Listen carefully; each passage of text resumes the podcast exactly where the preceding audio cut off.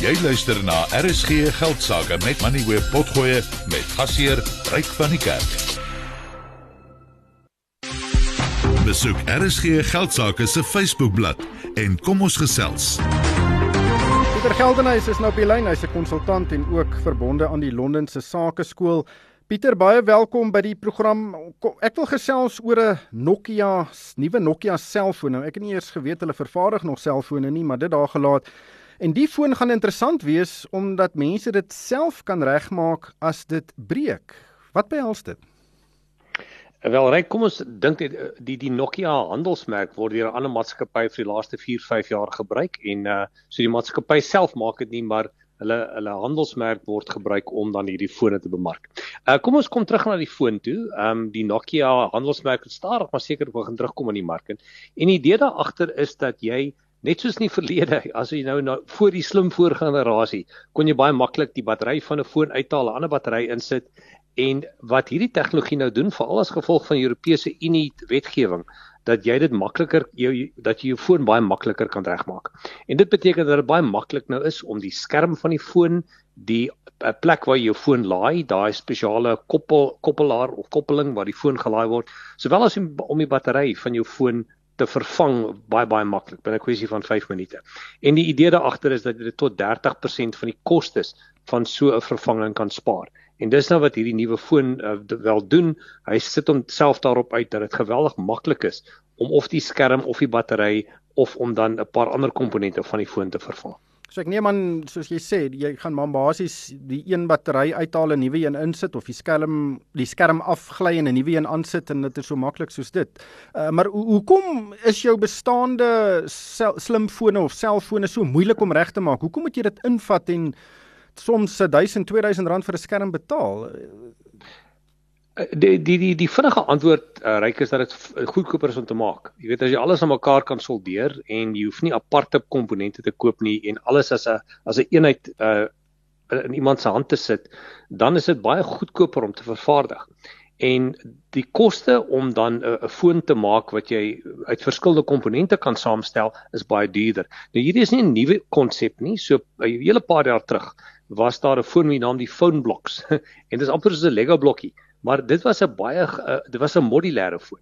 Jy kon sê maar daar's 'n nuwe Bluetooth uh, standaard, dan kon jy net die Bluetooth komponent uithaal. Letterlik aan die agterkant van die foon was daar sulke blokkies.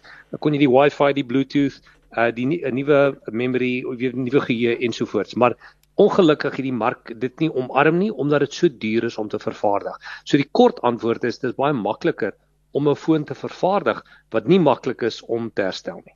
Maar jou top-end fone, jou Apples en Huawei's en Samsungs uh, is ook besig om te verander. Hulle hou baie langer as in die verlede. In die verlede was jy gelukkig as jy 2 jaar diens gekry het.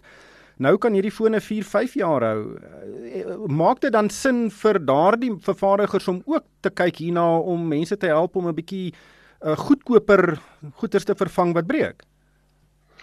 Reg die die vraag is met hierdie nuwe fone wat so lank hou, ehm um, dit lyk vir my dat 5 jaar die die geheime omskakelsyfer is want onthou die ander probleem is die opgradering van jou sagte ware. En dit lyk asof meeste foonmaatskappye nie fone ondersteun wat e-, eintlik ouer as 5 jaar is nie. Daai sagte ware word dus nie opgegradeer nie.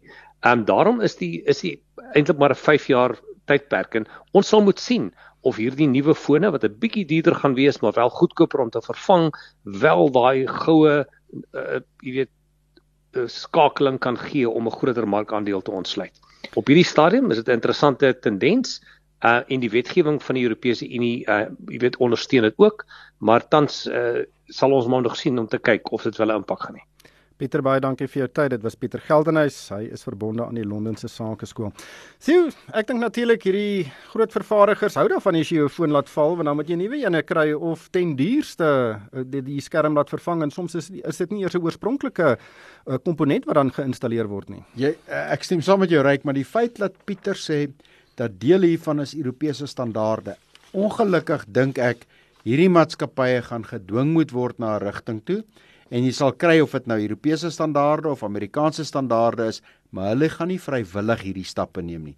Hierdie gaan stappe wees wat op hulle afgedwing word en ek en jy gaan uiteindelik die voordeel daarvan trek. Solank hulle almal net dieselfde laaier het, ek weet daar's regulasies daaroor, maar dit kom nie.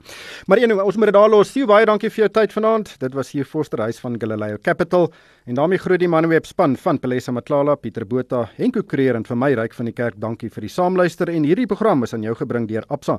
Jy kan aanlyn na Absa skuif en 'n business evolve rekening oopmaak. Jy het geluister na RSG Geldsaake met Money where potgoe elke weeksdag om 7 na middag.